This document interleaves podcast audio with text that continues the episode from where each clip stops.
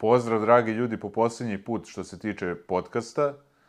E, za početak hteo bih da se zahvalim Vojinu iz Duna Solutiona i e, Monoputniku, e, jednom zato što je radio animaciju, a drugom zato što je radio muziku za špicu. Njima se nikad nisam zahvalio, pa eto da iskoristim priliku u ovom posljednjem podcastu. Takođe bih se zahvalio svim gostima koji su učestvovali u podcastu. Nije bilo uopšte lako naći goste. E, takođe, zahvalio bih se svim snimateljima i snimateljkama, odnosno oni su radili dva posla i montažu uz to. E, bilo ih je do sada osam i e, trenutno bi se zahvalio Tamari koja snima već određeno vreme podcaste. E, takođe bih se zahvalio i 19 ljudi koji su me podržali preko Patreona i nekoliko ljudi koji su me podržali preko Paypala. E, takođe bih hteo da se zahvalim Manchmellovu na bezuslovnoj podršci. Bili su uz mene tu od 30 epizode i nikad mi ništa nisu tražili, niti su oni birali goste, bukvalno ništa. Tako da je jedna sjajna kompanija sa kojom se nadam da ću možda moći da sarađujem na nekim narednim projektima.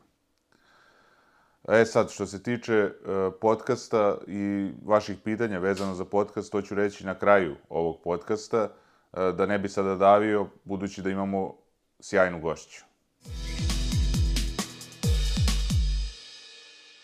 Moja današnja gošća je poznato TV lice Tamara Grujić, veliki humanista i sa njom sam razgovarao o... Najteže je mojim snimateljima i toncu koji su stalno sa mnom. Ja tačno vidim kada je meni teško, ja odmah pogledam i u kamere vrlo često se desilo da jedva ovaj, drže kameru, da jedva snimaju. Jedno mi se desilo da ovaj, mama je bila sa sinom i čerkom i čerka je bila onako, sve nas je ovaj, onako ovaj, potresla. I sećam se, ja sam rekla stop i trebalo je da još nešto dosnimimo i nisam videla snimatelje. Ja rekao, poludela, ja, da li je jedan već izašao da zapali cigaretu, ne mogu da verujem. Međutim, nema ih ispred zgrade, nema, a stanje je bio u pitanju, nema ih u hod, nema ih nigde. Nema, ja slučajno pogledam, a njih dvojica u toaletu plaču, obojica. To mi je baš bilo mnogo slatko. I hteo bih se zahvalim na kraju i svim ljudima koji su pratili ovaj moj podcast. Uživajte.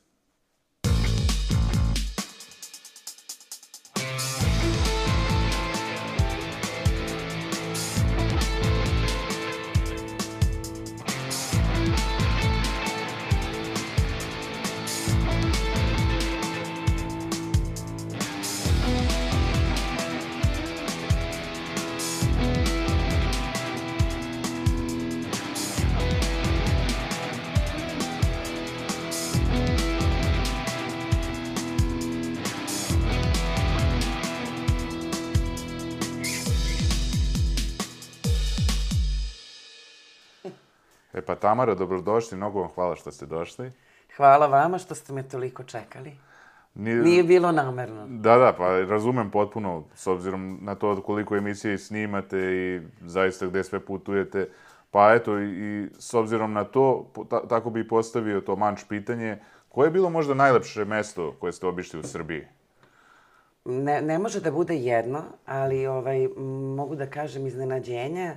E, Homoljske planine, Žagubica, Kučevo, taj potez, ovaj, recimo, u, na istoku naše zemlje. Onda, recimo, e, m, kanjon Jerme, između Pirota i Dimitrovgrada.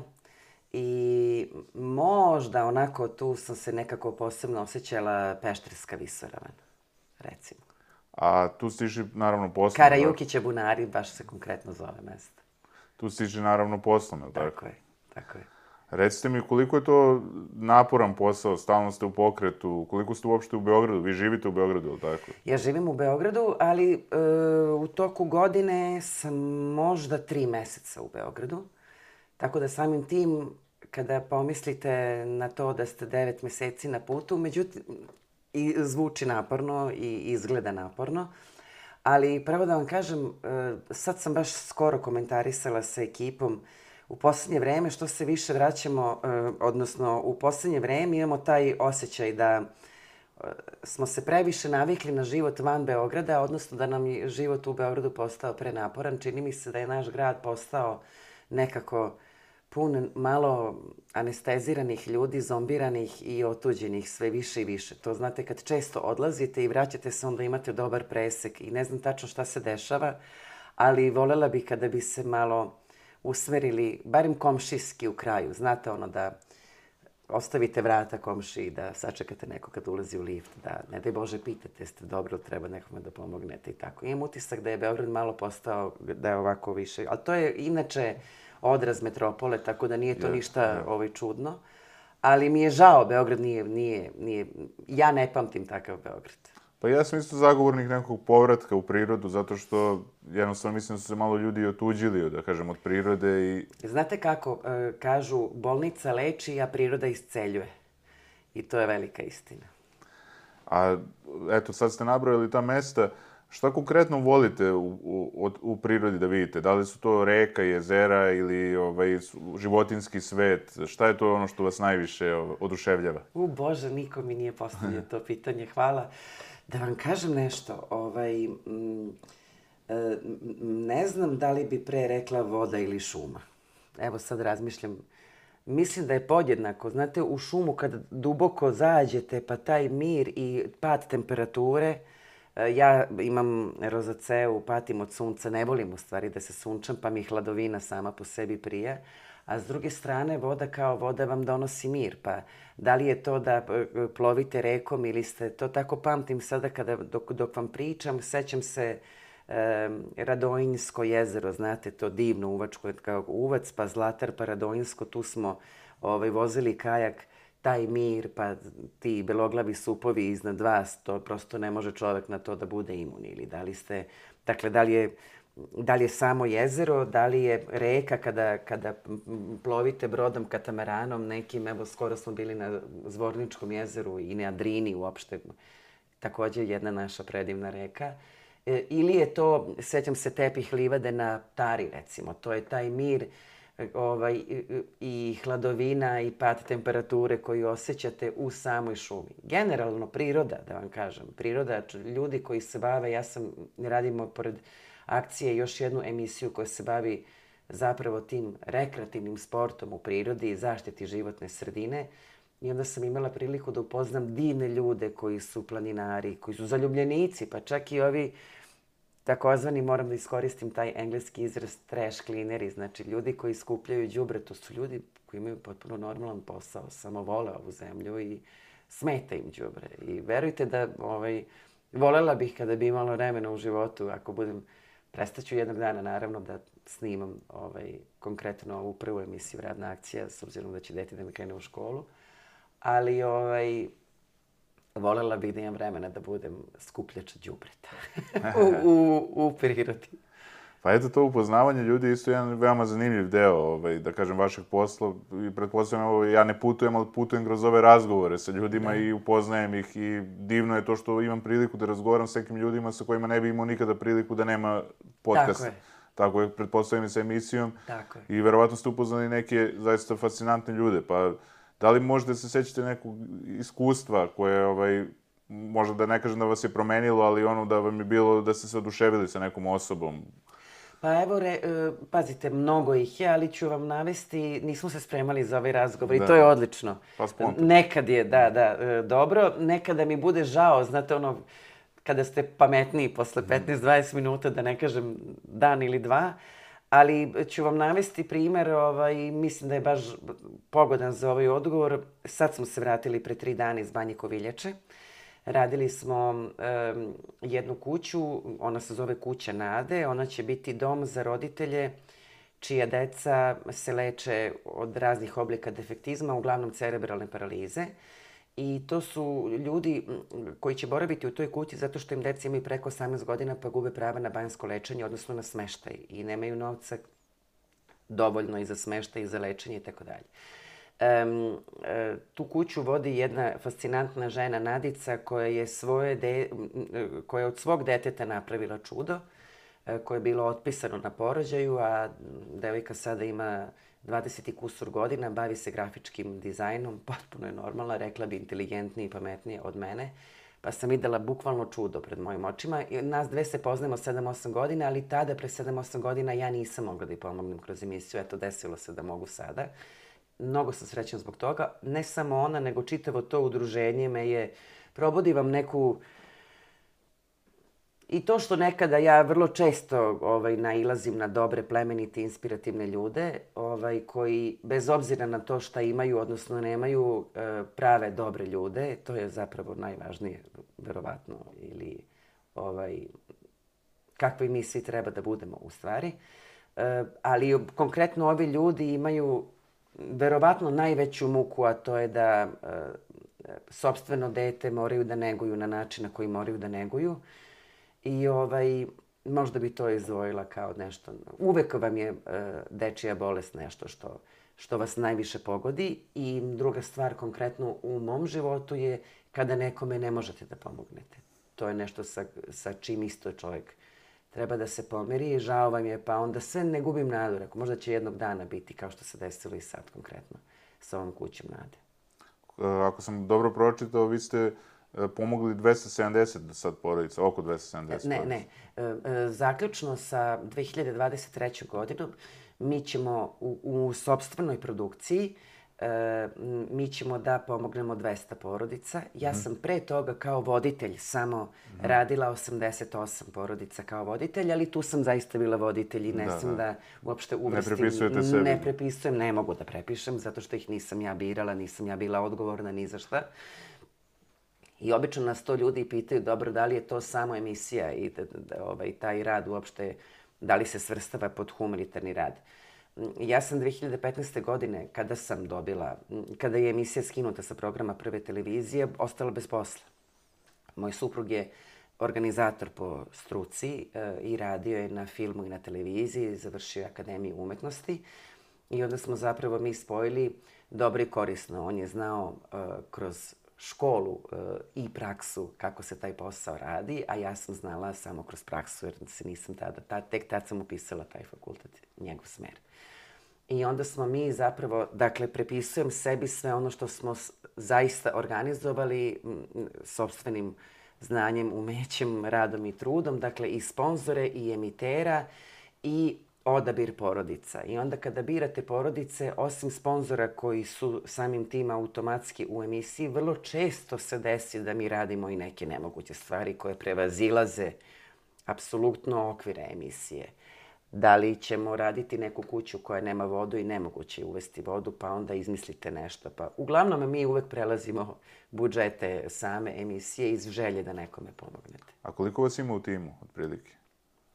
Ovako, Stalnih majstora je osam, uh, uključujući našeg glavnog majstora Jugu koji je preduzimač i uh, osmoro do devetoro ljudi, deveta je Lenka i moj pas Milica deseta, šalim se, nas osmoro je u produkciji, dakle nas šestnest. Ali vrlo često mi, ne vrlo često, u svakoj emisiji mi imamo nekoliko ljudi iz javno-komunalnog preduzeća, imamo posebnu ekipu montera, nameštaja, limara, tesera, fasadera, tako da je nas na gradilištu negde dvadesetak, sigurno. E, ukoliko nisu specijalne akcije u pitanju, kao konkretno ova kuća u Banji Koviljači koju sam vam, vam, vam spomenula, tu je bilo jedno 3, 4, 5 privatnika sa svojim firmama, bilo nas i do, i do 50. A recite mi, evo sad smo spominjali ovaj, da, je, da su neka mesta baš ono i nemoguće je napraviti te uslove kakvi treba da budu.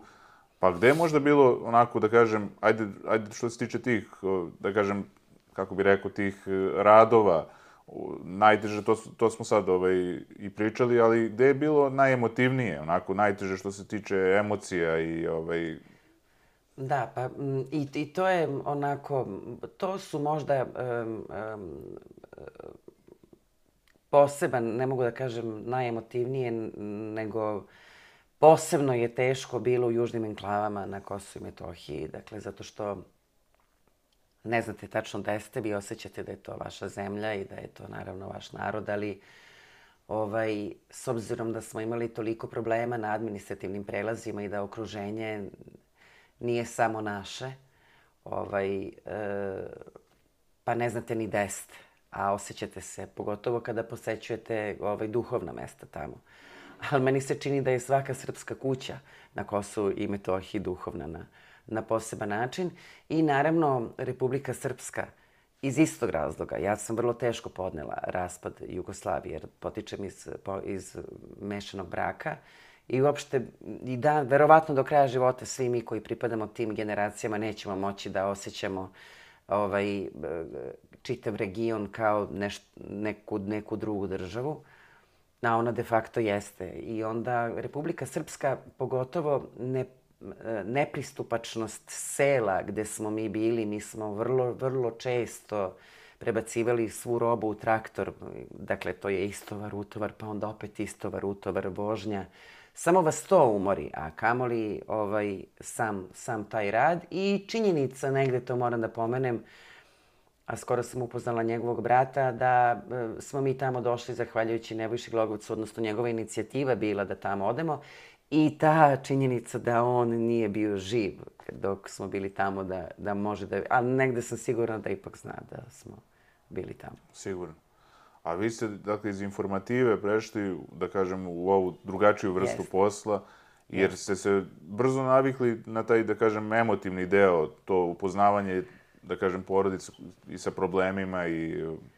Da, pa da, ja sam ovaj, počela da radim u informativnoj redakciji na BK televiziji, nešto kratko sam bila i e, u ekonomskoj i onda sam e, nekako tako brzo prešla u taj takozvani reality koji uopšte kao format televizijski nije loš, naprotiv. Da. To je jedan vrlo koristan i dobar format i zahvalan format.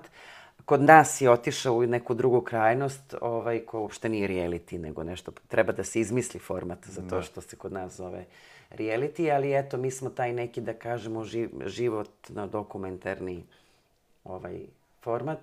E, on vam dozvoljava, on vam u stvari e, on vam pruža priliku da pokažete ono što stvarno jeste. Tako da, e, meni nije uopšte bilo teško zato što ja ni jednog jedinog trenutka ne glumim.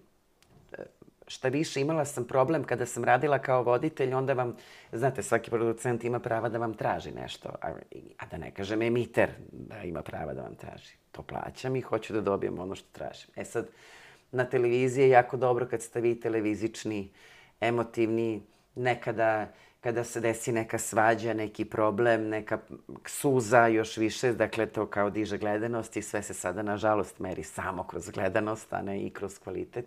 Trebalo bi, ali dobro, čast izuzecima, ali prosto takvo je vreme. Nema šta sad da se nešto ovaj, bunim ili žalim posebno i to nije od juče. Na, ovaj, tako da um, ja imam problem kada mi traže da nešto možda treba da, da naglasimo više nego što zapravo to jeste. Dakle, meni je vrlo teško da se ja svađam sa majstorima kad se ne svađam. Da, da. Ili da napravim problem kada ga nema. Ili da namerno, znate, čoveku je teško i vi tačno to vidite. Ne mora, mislim, ako iole se bavite malo novinarstvom, a ili ne, ili, ili tražite ne, neki skandal poseban, vi ćete tačno da ga gađate ili navodite na to da Me, meni je to stvarno, tu prelazite granicu dobrog ukusa, ljudskosti i svega i onda ja to stvarno izbegavam.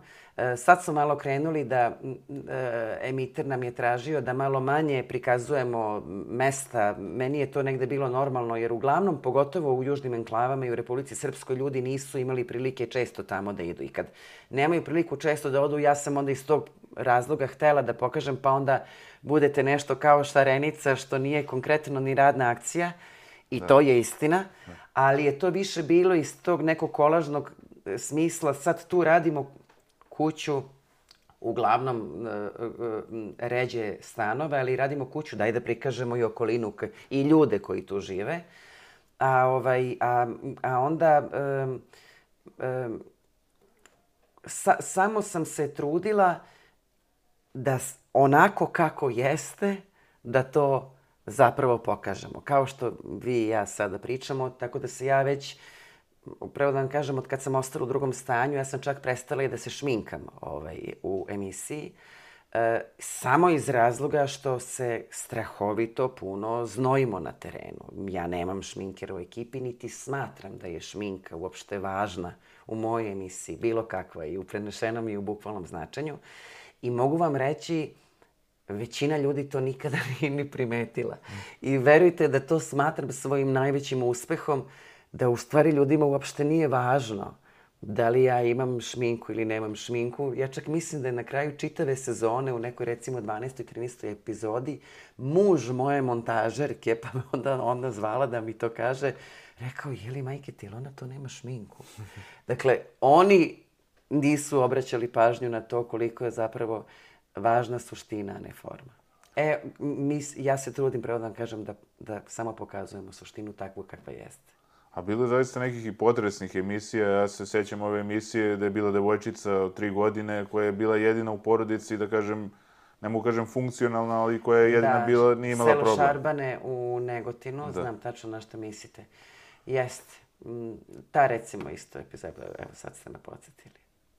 Mnogo bi volila da, ovaj, bit ćemo ponovo, znate, mi ovaj, smo obišli čitavu Srbiju, i ovaj m, s, severni deo Kosova i južni deo Kosova i Metohije, Republiku Srpsku i vraćamo se ponovo u Srbiju i onda sada imamo priliku zapravo da budemo na istoj teritoriji posle 5-6 godina. I baš ovaj, jedva čekam kad ćemo da budemo i u okolini Negotina da ih vidim. Tako da sad mogu da vidim neke porodice posle 5-6 godina. Znate, mi ih obiđemo odmah posle par meseci. Da i tako završimo svaku sezonu, ali sad je baš dobra prilika da... A dakle, prošlo je jedno 5-6 od te... Od, od, od prvog, jeste. Ukupno 7 godina radimo u da, sobstvenoj da, da, produkciji da, da. ovu emisiju. A od 2009. ste počeli sa emisijom ili... Od 2010. 10. Jeste. Super. Mislim, već jako dugo. Redko koji projekat toliko izdrži da... Jeste. Pa par ih ima i to su stvarno emisije koje ja cenim, uglavnom su one na, na javnom servisu. E, Branko Stanković, Kvadratura kruga, on zna to i ja to često ponavljam.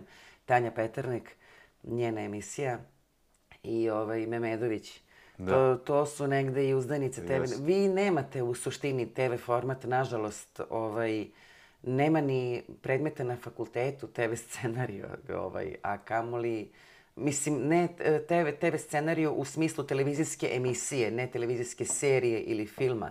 Mi, nažalost, nemamo, nemamo mnogo autorskih emisija. A šta ste vi, kad ste bili, da kažem, pa i dete, pa i dok ste odrastali, šta ste vi gledali? Koje TV formate?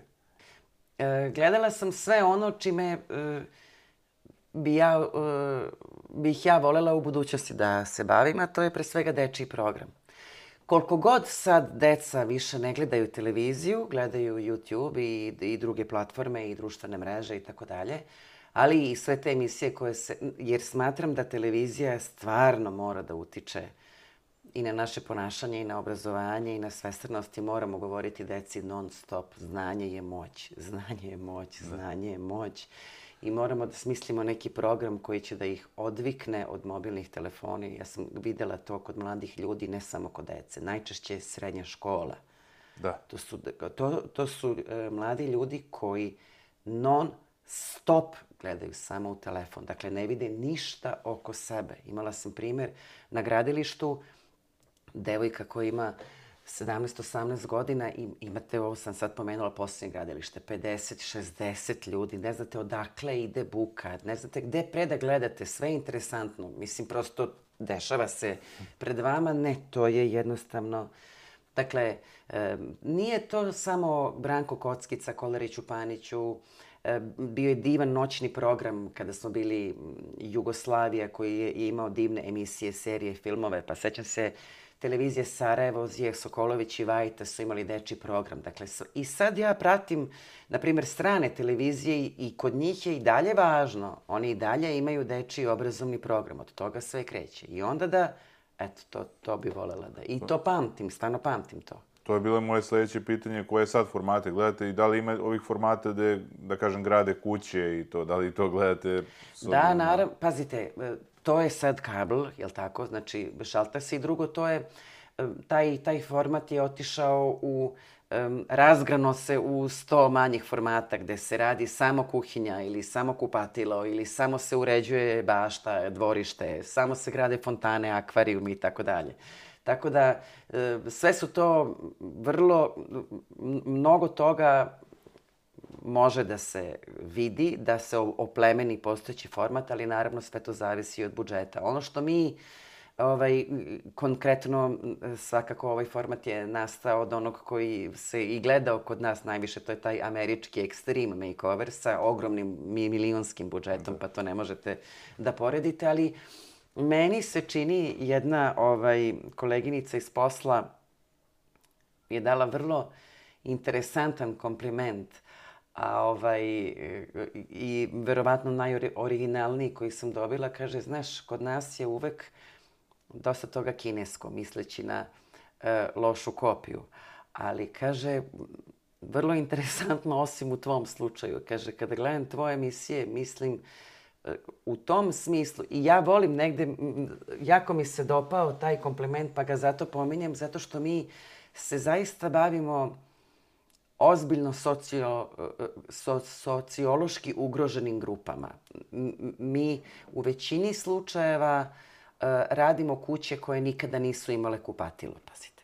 Ne. Znači, govorimo o, o, o jednoj osnovi. Da. Znači, nemate vodu u kući i nemate kupatilo. Dakle, ne možete da ne postavite pitanje, pa je li to i dalje korito? To, ne, znači, to je strahovito. Puno domaćinstava u Srbiji još uvek nema kupatilo.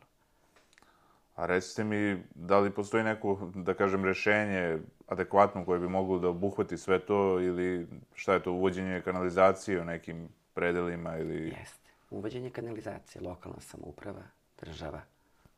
Pretpostavljam da ćete se i tim baviti verovatno u budućnosti. Ja sam, ja sam to ovaj, rekla s obzirom da smo mi otvorili i udruženje građana. Nadam se da će ono da preraste u humanitarnu fondaciju. Sigurno ću se, time, ću se tom fondacijom baviti do kraja života jer najvažnije za svaku fondaciju je da imate ime. Odnosno, da imate poverenje koje stoji iza vašeg imena.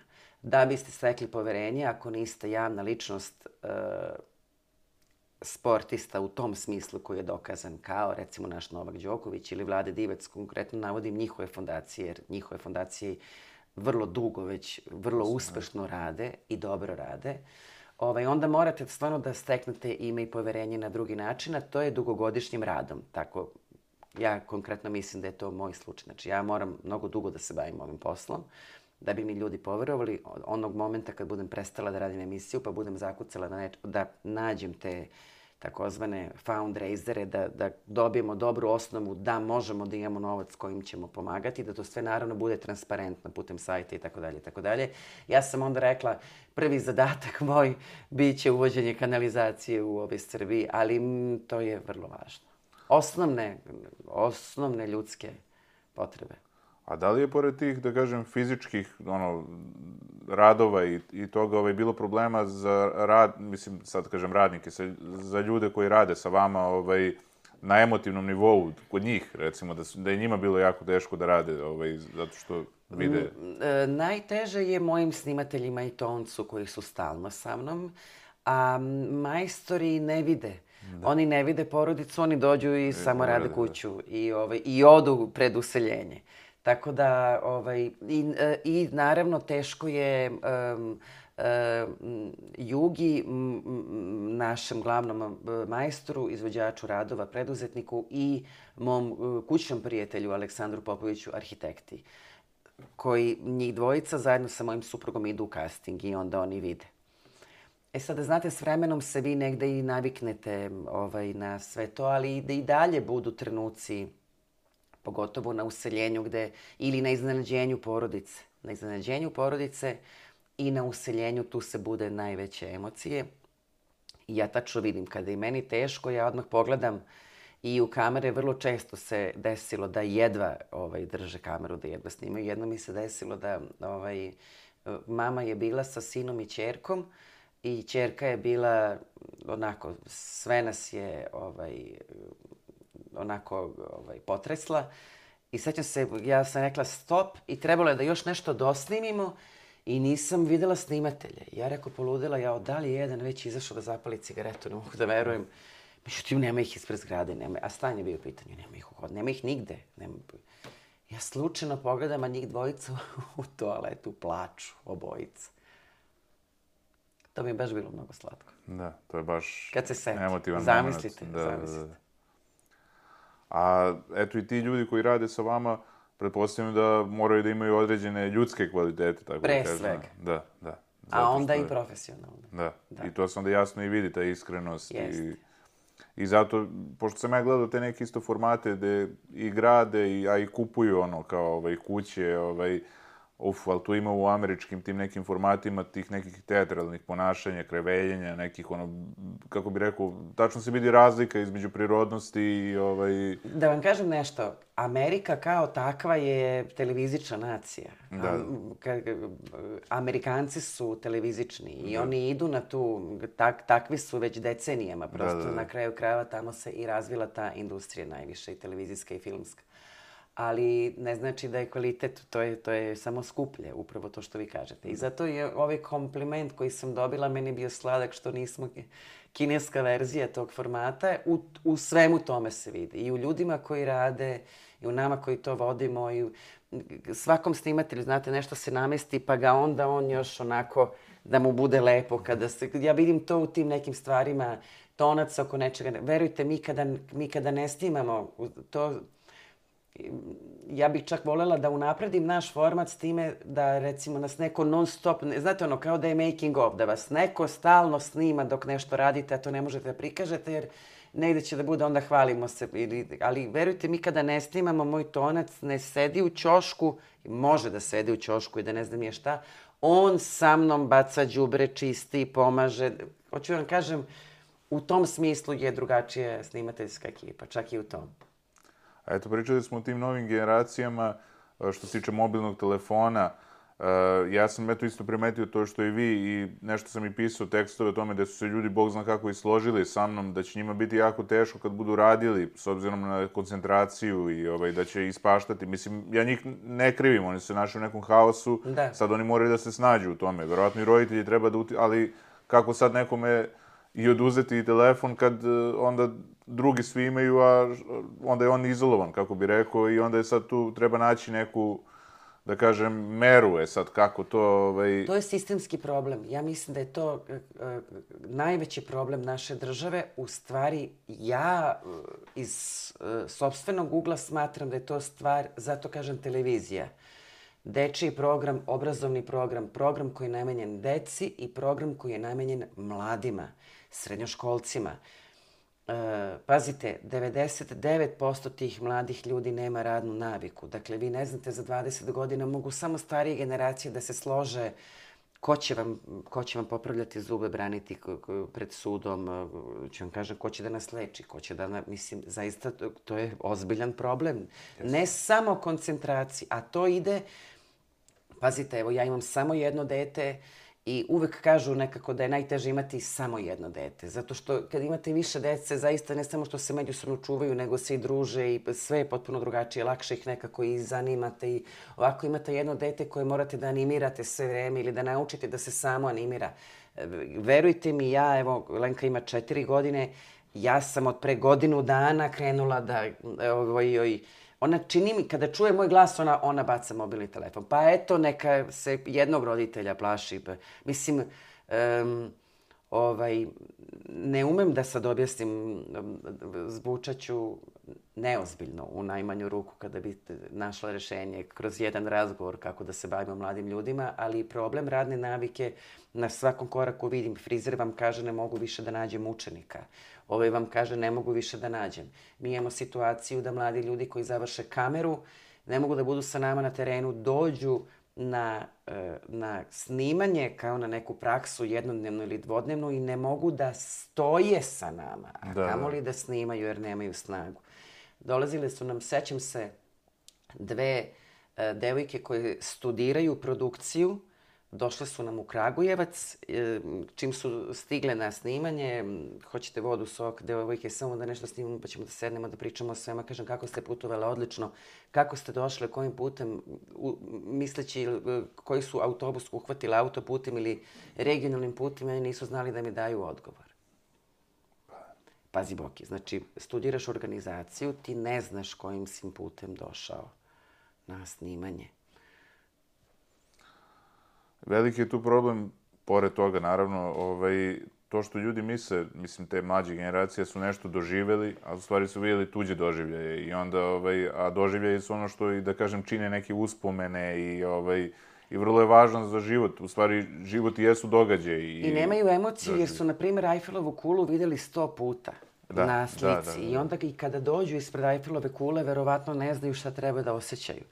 To je veliki problem. S tim u vezi, recimo, ja imam ogromnu manu tu što nemam uređen svoj sajt, nemam, ure, nemam društvene, imam samo Facebook i to tak, zato, mis, znate, ono, Facebook koriste matorci, što bi rekli mladi, ali to je stvarno zato što ja imam najveći broj prije, sve prijatelje koji imam, nema ih puno na Facebooku, lično poznajem.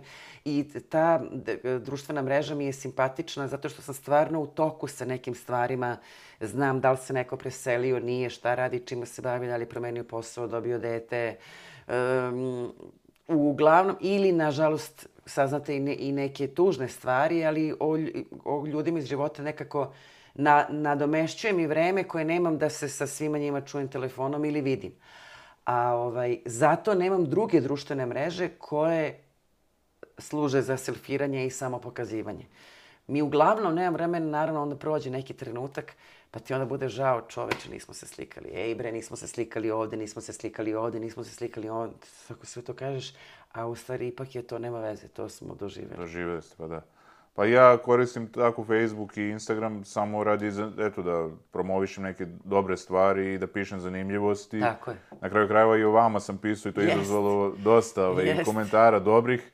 I ovaj, ali evo sad sam se setio kad već pričam o tim, da kažem, zanimljivim ličnostima Davida Attenbora, koji je, Da, koji je da. živa legenda i koji je radio na svih pet, da kažem, formata ovaj, različitih televizijskih. On radi, ne znam, od 60 i neki ili 50 Tako je, neki. tako je. Tako da čovek je proputovao, ja mislim, od svih ljudi najviše ovaj svet. Sigurno, sigurno. Tako da on mi je kao neka, eto, tako ličnost koja je onako baš neki Jeste. ideal tih. Uzor apsolutno svima koji se bave televizijom, čini mi se, pogotovo dokumentarizmom. On je za mene i onako, da vam kažem, ovaj, osim, osim e, njegovog znanja, pre svega, on je naučni čovjek, pa onda autorstva pred e, TV kamerom, on je za mene ideal još i, kako vam kažem, e, čoveka koji se najlepše ovaj, ponaša pred kamerom, dakle, njegova gestikulacija je savršena i još stepenica više kao da je najbolji ovaj, dramski umetnik na svetu. Dakle, ja mislim da niko, osim ozbiljno školovanog, pa mi uvek to britanskog glumca, to mi ne znam zašto sad je to, valjda zato što su Britanci, taj BBC je izmislio toliko formata, ovaj, najbolje na svetu čita off, sobstveni koji napiše. Dakle, ta njegova naracija je nešto što je za mene nepos... nisam čula bolje. Pa i mi smo imali, eto, urednik dečijeg programa je bio Byford, koji je došao iz Velike Jest. Britanije, tako da, eto, i on je Jest. dosta stvarno uticao na... Jest. Eto, fale nam takvi, baš nam fale takvi ljudi. Da. Zato što ja vidim, ovaj, recimo, kada dođemo na teren, za nama uglavnom trče deca. I uglavnom deca sa mnom hoće da se slikaju. I sad ja sam to onako, ovaj, Bože, mi stvarno, to mi rekao i rekao, bože, ti ko stvarno bre da, da radiš dečju emisiju, a ne tu emisiju. Znači, i sada vi toj deci kada kažete da nešto urade, oni će to bez problema da urade. Dakle, samo treba ne, dobar, pri, njima treba, deci su potrebni dobri primeri i oni će bez problema će se potruditi. Znate koliko, najlepše nam je meni kada vidimo decu na useljenju, da, da tu svoju drugarici ili drugu nešto daju. Da, znate, to je ovaj, nešto najlepše. I u stvari deca su ta koja su vrlo zahvalna zapravo. Znači, znači, nije zalud da ti nešto snimiš pa imituješ, uopšte nije. Pa lepo je to kad se vrati ta radost, da kažem, igre, jer Tako prosto kao da je to izgubljeno, a radost je mnogo veća nego sreća, jer sreća, eto, traje kraće, a radost je nešto, neko duže stanje koje je Apsolutno. ono... Pa ja ovaj, mislim da je to plasiranje. Znate, vi kada plasirate stvarno 30 godina unazad neke druge vrednosti, onda će to postati mainstream. Da, da, da.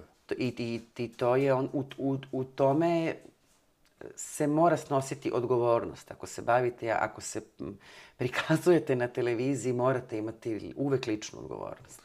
I odmah da vam kažem što se tiče podcasta, ovaj, pošto sam bio na toj ovaj, nekoj konferenciji, rekli su da najviše pa- fale upravo dečiji podcasti, znači da ih ne, nešto i nema, ovaj, sve ostale teme su pokrivene, znači od sporta preko medicine do biznisa, ali prosto taj dečiji obrazovni program fali i na YouTube, tako da, Sigurno. eto, eto predloga, ovaj, Da, da. zato što ja mislim da je to upravo i najteže, verovatno je najteže animirati i decu, posebno danas, kad sve imaju ispred sebe i vide ovaj, šta je to što bi moglo da bude zanimljivo za njih, smisliti to, to je sigurno ovaj težak posao. Tako da. To mora da bude moderno, zato Da. što oni sad sami po, po sebi nemaju tu pažnju, ali to je zato što imaju mnogo izbora. Da. I onda ja vidim po svom detetu, mama, molim te, mogu samo jedan crtani. Ja kažem, ajde, na primjer, dogovorimo se. Evo, samo to navodim kao primjer. Ona krene da gleda jedan crtani i ona odmah gleda desno u one ikonice, pošto ima i drugih crtana. I sad nju odmah privlači i ona bi da krene, kažem, žao mi je, rekli smo jedan. Da, da, to je već drugi. Znači, kada budeš odgledala jedan, odgledaj od početka do kraja, pa ćemo da se dogovorimo da li možeš drugi. Kako da vam kažem? Znači, to je konstantna kontrola. Ali to je kontrola šta se dešava. Dešava se moja prijateljica Suza Roni ne može dete da joj pročita Anu Frank. Znači, i to je sada već učesta. Dakle, ne može da se pročita jedna knjiga. Do te mere je sve sažvakano na internetu. Zato kažem, to je sistemski problem o kome samo o tome možemo da pričamo, zbog čega su nam deca toliko raspuštena, ispuštena, obezvređena, zašto je sve lova, zašto se... Ali onda vidite neki primer, skoro sam sad videla kako je ispraćen jedan e, nastavnik iz neke srednje škole u Srbiji gde su sva deca aplaudirala njemu dok nije izašao iz škole. Dakle, ima nade, ima, e, ima načina kako da se dođe do dece. Nisu sva deca loša, dakle, od, od toga. Da. Samo treba da se nađe način kako da im priđete.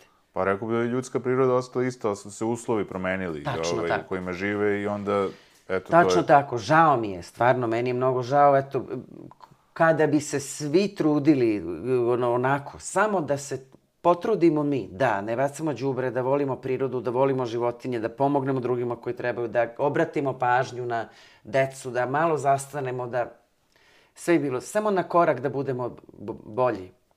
A da li je vama teško, s obzirom da vi putujete, da kažem, sa detetom svuda gde i radite, vi u isto vremeno i radite i vodite računa o detetu, koliko je to teško i naporno, ili... Ja to, to posmatram kao olakšavajuću okolnost. Zato što e, e, prvo ona je stalno sa nama. E, koliko god da je to za roditelja naporno, ipak se roditelji odmori kad je dete u vrtiću. Mislim, pre svega radi. Da, tako da. da ne može da vodi dete na posao. Tako da ja to smatram prednošću. Što mogu da je vodim na svoj posao. I da budem sa njom. I onda negde imam više možda i vremena da utičem na neke stvari. Drugo, ona je na vazduhu. Um, o, kažem vam, sad vam govorim sve pozitivne e, strane. Na vazduhu je, u prirodi je, među životinjama je, među majstorima je. Ona gleda da neko non stop nešto radi stalno. I sad, kako postaje starija, ja ću se truditi i da joj pričam to što mi radimo. Već sad polako počinjem i već sad ona polako negde počinje da razume šta mi to radimo i dalje ne zna što se ja slikam sa nekim, pa onda nekad je ljubomorna pa dođe, pa onda kao ne da da se slikam sa ne tako.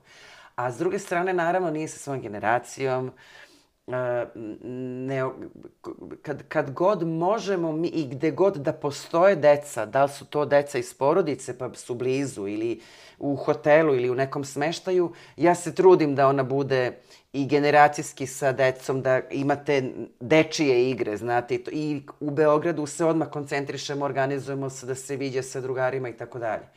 Ali ja na to trenutno posmatram kao na prednost, jer drugačije mi se ne isplati. Da. Mislim, ne mogu da ne. promenim. Da, da. Tako je kako je. A eto vi kad ste spominjali sebe, kad ste bili dete, rekli ste kao gledala sam ono š- čime bi se ja bavila. Da li ste vi ra- rano znali čime ćete se baviti u životu Ne, ne. ili je to... Ne, ne, ne. I još nešto samo da dodam, a, apropo gajanja deteta. E, e, 100% je najbolji način vaspitanja deteta lični primer. Ako dete vidi da se roditelji ne svađaju, ako dete vidi da ne viču, ako dete vidi da roditelj baca đubre u kantu, ako dete vidi da roditelj mazi bilo koju životinju pomaže. To je to e, neposredno vaspitanje, a ne samo posredno je mnogo dobro. I onda mislim da u tom smislu ona nekako je okružena dobrim primerima, pa mi u tom smislu i to kao smatram nekom prednošću, kažem vam, od, ma, od mana, nemam ništa, pa o tome ni ne razmišljam. Kao dete sam od uvek bila, ja sam pre svega bila prvo vrlo stidljiva, pa sam onda mucala, Dan danas mi se e, zadesi da ovaj, zamucam nekad kad se iznerviram ili, ili, ili nešto. Tako da sam imala strah čak i od javnog nastupa. Znate, ono, još kad mucate pa kad treba da ustanete da odgovarate, to je najveći pakao bio na svetu. Mm -hmm. I da ovaj, stanem ispred table. Ali nekako vidite koliko je to čudno. Ja opet završim u toj nekoj dramskoj sekciji. Pa onda Bog mi je podario taj, tu boju glasa koju imam. Kad ste dete, imate tu boju glasa, to nije ni malo ovaj, seksi u najmanju ruku, nego budete kao ona tako da, pa ona što ima glas kao iz bureta, to se sećam. Pa vam, znate, znači uvek imate to što treba da vam bude vrlina, vi to gledate, zapravo vam je nametnuta kao mana neka najveća, pa toga nisam bila ni svesna. Ali onda negde vrlo brzo u, u srednjoj školi se iskra, iskristalisalo to da mi dosta dobro ide zapravo upravo javni nastup, paradoksalno potpuno. I onda sasvim slučajno nisam razmišljala o novinarstvu. Iako kada sam počela da radim na BK televiziji, pa onda otišla u firme i, i bavila se marketingom i PR-om, zato mi produkcija verovatno dobro ide. Nekako se to sad sve zaokružilo i vratilo tamo, Bogu hvala, gde treba. Ovaj, tad kada se nisam bavila televizijom, sećam se da su mi mnogi ljudi, šteta, za tebe baš televizija. Treba da se vratiš. Znate, nekoga hoće kamera, nekoga neće. Još kada imate sreću da se bavite onim što vi želite, a ne nešto što vam neko nametne, onda je to baš sreća. Jest, da. Baš sreća. I redko ko ima tu, da kažem, priliku. E, redko ko.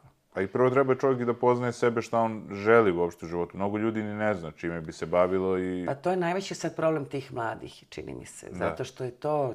to Beskonačan broj mogućnosti. Jeste i to gubljenje u ovaj, tim društvenim mrežama da u stvari vi samo uh, izgled, izgled, izgled, znači samo je šminkanje, samo je izgled, samo je oblačenje. I ja, da. ja ne vidim ništa, znači samo kako izgledaš na fotografiji. Da, njime je, kako, koliko sam pretpostavio, sve im deluje kao da je lako, kao sad će oni kao, ako hoće se bave nekim poslom, sad će oni, ma ne, to ćemo, lako ćemo, mislim, ono, ne, ne. razmišljaju o tom nekom radu koji mora da bude ovaj, na sebi, mislim, tako da... Pa, a, a opet, s druge fizički. strane, i dan danas postoje deca koji upisuju uh, najteže svetske fakultete. Da. Znači, dan danas to postoji. Da. Tako da bi ja samo... I osvojači medalja iz matematike, fizike. Tačno. Tačno. Samo e, čitanje, jezici, putovanje, znanje je moć usaditi detetu, nezavisan si ako si pametan, ako imaš sobstvenu pamet. Yes. Samo tad možeš da sve uradiš u svom životu. A da ne govorim, to je sad poseban segment, to zdravlje. Tek to koliko je obezvređeno i on, naravno, koga smo svesni samo onda kada se, nažalost, nešto desi. Mada, onaj mali procenat ljudi, kao što je moj otac, o zdravlju ozbiljno vodi računa bez obzira na sve. I to treba da se nameće. Jer ja stvarno mislim, znate, i to je, na primjer, sad te izgubljene generacije, ispada sad, žao mi je da ne pričam samo to, ali me pogađa. Me ja, u da. stvari, iz, iz, iz ljubavi prema našoj deci, svoj deci, to i pričam. I stvarno se nadam da će, eto, da nas neko i posluša u tom smislu. Znate, to sam videla primer. Preskoči doručak, popije pet Coca-Cola. Pa, da ili jede grickalice. Znači, krećemo od toga šta unosimo u, se, u sebe, do toga kako će mozak da nam radi, do toga kakvu ćemo energiju da emitujemo. Energija je najvažnija stvar, ona nas pokreće i ona nam tako ćemo lakše učiti, tako ćemo imati, e, tako ćemo biti raspoloženiji, tako ćemo da, da se okrenemo prema danu, tako će mozak da nam se nabandažira od ishrane sve u tom smislu potiče. Tako ćemo da gledamo na svet. Da ćemo pozitivno, negativno, optimistično, nećemo. Znate, taj pozitivan pogled na svet i to kad imate stečenu radnu naviku, pa bavljanje sportom, pa dobra energija,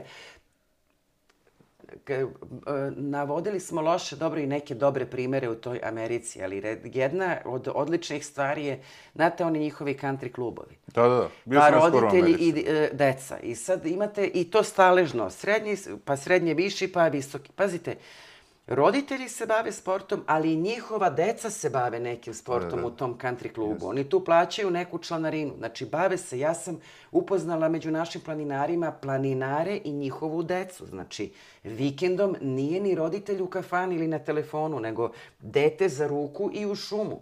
I onda dete kada vidi, kako da vam kažem, mnogo je najvažnije, po, pominjali smo taj lični primer. I sećam se jedan čovek mi je rekao, znate, ja imam sina koji nije nešto, eto, lep, ali je najzgodniji u svojoj generaciji i on svima otima ribe. I to je sigurno tako, jer on najbolje pliva, on zna sve, sve e, stilove plivanja, on odlično igra odbojku, on zna tenis, on zna, kako kažem, Motorne funkcije. mot- pa i, i ima sportsku inteligenciju, dakle, na sve, da li znate da igrate, da li znate da pevate, da li svirate neki instrument. Ta svestrnost ovaj, je strašno važna i treba je animirati kod dece, ljudi, što si sad ti mator da završiš neki drugi fakultet? Da. Ili da naučiš neki novi jezik, ili da putuješ, ili uvek treba gledati bolje od sebe. Uvek. Znate, ja, ovaj, sad, skoro mi se preselila ovaj, moja koleginica u Valenciju i ja joj onako od srca čestitam. Igrom slučaja bila sam u tom gradu i, i znam o čemu pričam. I, ja, I ona mi kaže, jel mi veruješ, osim moje majke, ti si jedina koja mi je dala podršku. Znači, uglavnom su to, uglavnom su nas pitali, pa ti muž sasvim lepo ovde živite, zašto si otišla? Znači, niko ne gleda, niko vam neće reći super što si kupio, nego, nego će vas pre kritikovati, što si bacio te pare, umesto da, ako možete već sebi nešto da priuštite, vam kaže, blago tebi, ako si. Da, da. Neka si. Ili ako si se preselio, ako misliš da će, ta, ja znam da će njoj tamo biti bolje, prosto nije sad ni važno. Ako bre, samo napred. Mi smo prestali, i to je između ostalog, opet se malo vraćamo i na tu moju emisiju, da se raduješ drugome. Znate, mi smo prestali da se podržavamo i da se bodrimo. Jeste.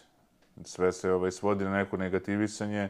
Opet sa druge strane, kažem, ja nisam neki pobornik live coacheva, ali ovaj, to, ta neka sredina je tu bitna, da ono, kad je nešto 100%... Pa i kad čovek pogreši, pa bože moj, ljudi greše. Nama se desilo, pazite, obično je to neko pitanje koliko puta, eto, hvala vam što me do sada to još niste pitali, koliko puta smo omašili porodicu. Pazite, evo, Re, rekla sam vam 200 porodica, prosek, bilo ih je 10, bilo ih je dvoje, ali je najčešće da ih je 10, pa da uzemo sedam, koliko je to, oko hiljada i po ljudi, sigurno smo uticali na kvalitetniji život hiljada i po ljudi, znači 200 porodica, koliko, ne, ne, skoro sam nešto računala, 16-17 hiljada kvadrata, recimo da je možda malo više, ali u pet sam onako rekla da smo jednu prestali da radimo jer smo imali potpuno pogrešnu procenu, pa to ni, nikada nismo emitovali tu epizodu, nismo hteli zbog reputacije svih firmi i nas kao produkcije na kraju krajeva. Dve nisu htele da nas prime kad smo se vraćali, a u dve smo bili razočarali se što nažalost kuća nije...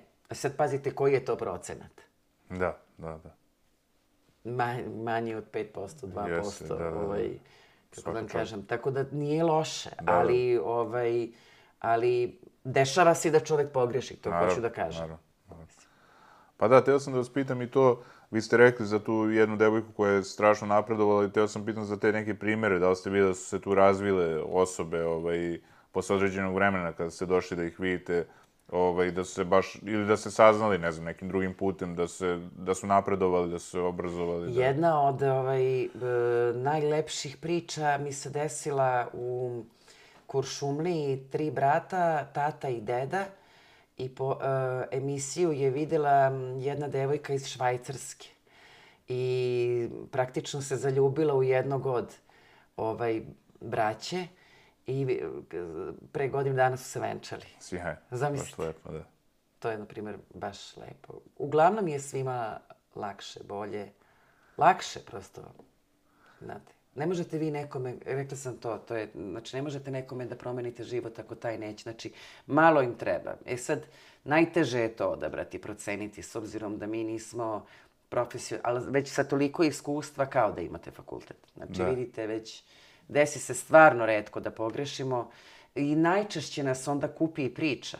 I onda mi zapravo prihvatimo neku kuću koja uopšte, gde najviše moj suprug se buni i, i, i, i viče na nas i kritikuje nas zašto, zašto se toliko mučimo. Ne, ne treba, mi moramo da imamo neka pravila. Kuća pored puta, ravno, dobar pristup, ima struju, ima vodu.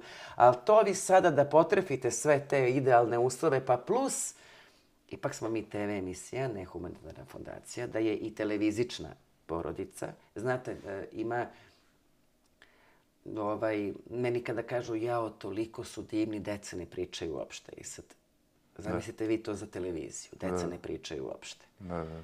A ljudima stvarno treba pomoć. A da. sad vi ne možete ni intervju da uradite sa detetom, ni, niti to dete možda može na kraju kada bude videlo novu kuću da vam kaže nešto, niti da pokaže, ne znate uopšte kakve će reakcije biti. Tako da je to da. jako, jako teško. Pa kako sam razumeo, vama jeste plan da iz humanitarne emisije pređete, da imate svoju humanitarnu Tako. I da uopšte ne snimamo ljude, nego da, samo da, da, da im pomažemo, tačno. To je sjajno. I želim vam puno sreće u tome, naravno. Hvala vam. A recite mi, još sam teo da vas pitam, to pitam sve goste, ovaj, da, li kad, da, da li imate vremena da ovaj, gledate filmove, slušate muziku, čitate neke knjige, ovaj, koji su neki filmovi koje vi volite, eto to? Ovaj, e, strašan sam uh, filmofil i ovaj, obo, obožavam muziku. Toliko mi je lepo ovde u ovom stanu i u ovom okruženju jer i rekla sam to čim sam sela pa nego smo krenuli da se snimamo ovaj, kakvi divni albumi ovaj, LP mm -hmm. uopšte da vidim. Um, ja volim dobar rock and roll i pop. Uh, moja omiljena grupa je Depeche Mode strana. Uh, domaća Ekaterina Velika, ja sam ta ovaj, generacija, 80. su najviše uticali u stvari na mene, e, što se muzike tiče. Dakle, Ekaterina, disciplina kičme, električni orgazam, haustor, idoli, Party ovaj, breakers. Party breakersi pre da. svega, da. Ovaj, e, to, to volim i ovaj, a što se filmova tiče, volim dobar thriller, nažalost i dobru dramu, jer je drame toliko, pravo da vam kažem, svaki dan. Pa onda volim najviše filmove, znate ono, e, klasici svakako, ali ono u čemu najviše uživam jesu zapravo avanturistički filmovi kao što je da. Indiana Jones. To me negde, e, pravo da vam kažem, takve vrste filma me najviše to, i pa da je uz to još malo i komedije, onda pozorište mnogo volim, za njega imam najmanje vremena i to mi je strašno žao. Znate, film možete da pogledate putem raznih platformi i na, i na laptopu na kraju, što je zločin svakako mm. za film. Ovaj, ali možete da pogledate Peaky Blinders, apsolutno omiljena serija, to je taj neki, možda volim. To, to nije moj karakter uopšte, ali volim očigledno da to je malo tvrđi i zvuk i sliku. Ali ovaj, za pozorište nemam vremena i to mi je mnogo žao. Radio slušate u kolima svakako, to najčešće to je zapravo medij koji... Eto vidite kako nije umro, što mnogo, da. mnogo mi je drago. Ostaje, ljudi ga najčešće slušaju u kolima. Pa s tim u vezi fale i dobre tu autorske emisije. Znate, nekada ja recimo pamtim u srednjoj školi strašno bio popularan radio Pingvin, prvi ovaj, on je imao baš gotovo maltene sačinjen bio samo od autorskih emisija i naravno bio je popularan zbog dobre muzike koja se emitovala, ali možda se utiče i putem radio stanice na muzički ukus i tekako ovaj, javnog mnjenja generalno. A za pozorište ne možete, morate da odete. I onda yes. ja kad dođem, dođem na par dana, dobre predstave su uglavnom unapred rasprodate. Tako da tu patim, ali onda, i onda najčešće znaju moji prijatelji, pa onda znaju kad sam tu, onda oni unapred kupe karte. Ja im kažem, bit ću recimo, ne znam, u drugoj polovini decembra i sad jurimo karte za neke predstave koje nisam uspela da vidim. Ali eto, recimo, sad kad ste spomenuli Indija, on je dosta bio, ovaj, da kažem, motiv mnogim de, deci, mnogoj deci i uopšte ovaj, studentima da upišu ovaj, arheologiju yes. i on je povećao to, taj taj film je povećao znatno broj arheologa, što je fascinantno Jeste. da tako može da utiče ovaj Jeste, film. Jeste, kako da ne. Kako da ne. Tako da, verujem da i vaše emisije dosta utiču, ovaj, ne, pre svega na tu humanost, tako da... Da vam kažem, iskreno se nadam, stvarno, često mi to kažu ljudi, a u posljednje vreme dobijam i ono, ja sam odrastao uz vaše emisije. To kad mi neko kaže, na primjer ima 20 godina, ja nemam odnos prema inače vremenu i da. godinama uopšte. Kao jedna od mojih najbližih e, prijateljica, mislim da kada biste sad pitali da je ozbiljno mučite, sigurno ne bi znala koliko tačno ja imam godina, a družimo se 25 godina. I svaki put me pita koliko beše ove godine i to obožavam, znate, da nemate odnos. Tako da ja ne znam uopšte, ne mogu da uopšte imam odnos prema tome koliko dugo, da bi mi neko rekao odrastao sam u svojoj emisiji. Pritom je taj neki iste visine kao ja, kako da, da, da, da vam kažem. Tako da, ovaj, stvarno se nadam i, bi, i eto, to je, ako je nešto lepo iz bilo koje žrtve u nekom smislu, ovaj, ne možete nikome da prepričate. Ja kada vam sam vam rekla, sećate se ono u junu, julu, bit ću tu tad i tad, tačno sam tih tad, tri, četiri dana tu i verujte, ja tako zakazujem i preglede. Da, da. Mislim i ove, kozmetičke usluge. Ja tako sve unapredna, ovaj, znam da. tačno jeste opterećujuće, ali s druge strane, ako je to nešto što će ostati, što ljudi mogu da vide stvarno kao nešto dobro i lepo, onda, onda mi je baš drago. Tamara, mnogo vam hvala na ovom razgovoru. Uživao sam i želim vam da hvala. postignete sve što poželite. Dakle, eto. Hvala takođe i ja da kažem da vrlo često, pa i putem ovaj, društvenih mreža, Facebooka pre svega, e, e, ovaj, pročitam neku vrlo, vrlo, vrlo interesantnu E, činjenicu, zanimljivost ili nešto, zahvaljujući vama, svaka čast, radioaktivni komarac se stvarno e, već se iskristalisao kao nešto vrlo kvalitetno u, na novom mediju, novom formatu, znači može i to da bude novo, a kvalitetno. Svaka čast i hvala, samo napred. Hvala, Marko. Veliki pozdrav, dragi ljudi. Što se tiče pitanja vezano za podcast, E, pre svega nije sve kao što izgleda na prvu, kao što nijedan posao nije kao što izgleda na prvu. Pre svega, ako nemate tim ljudi i produkciju za sebe, jako je teško. E, imaju ljudi koji rade sami, dakle, bez jednog čoveka. Ja sam uvek imao jednu osobu koja je radila sa mnom, koja je radila montažu i snimanje. E sad i tu su se menjale osobe, pa dok se naviknete na energiju ljudi, najbolje je kad imate tim us, od početka do kraja u sebi, jel? Uh, na, zahvalio sam se svima koji su ovaj, bili tu i uvek je bila neka dobra energija, mogu tako reći.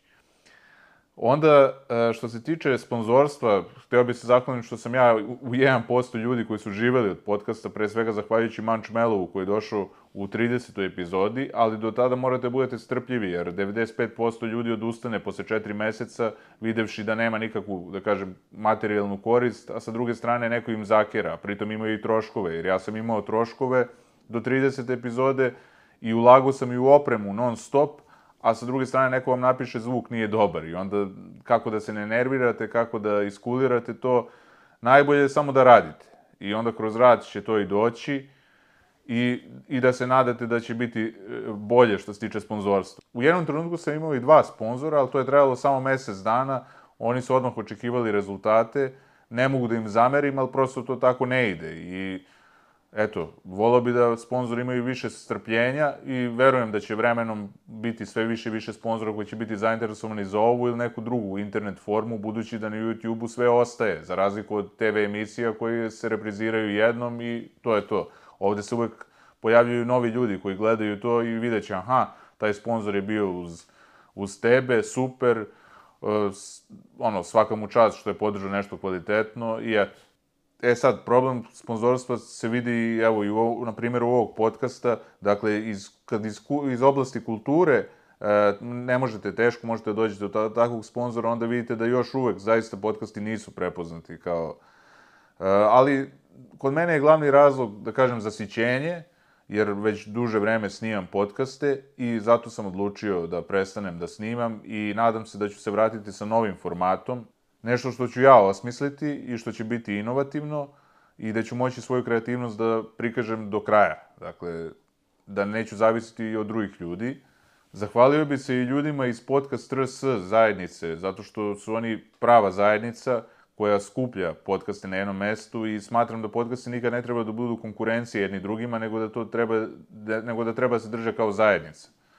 I što sam imao šansu uopšte da ugostim te neke da kažem, mlade ljude neafirmisane i da, da im dam priliku, budući da nemaju priliku ni u drugim podcastima, a kamoli na televiziji, uz to što sam imao sreću da pričam sa takvim veličinama, e, sa kakvim ne bi možda mogao da pričam ovako na ulici ili ne znam gde, tako da taj posao ima i neke stvarno dobre strane.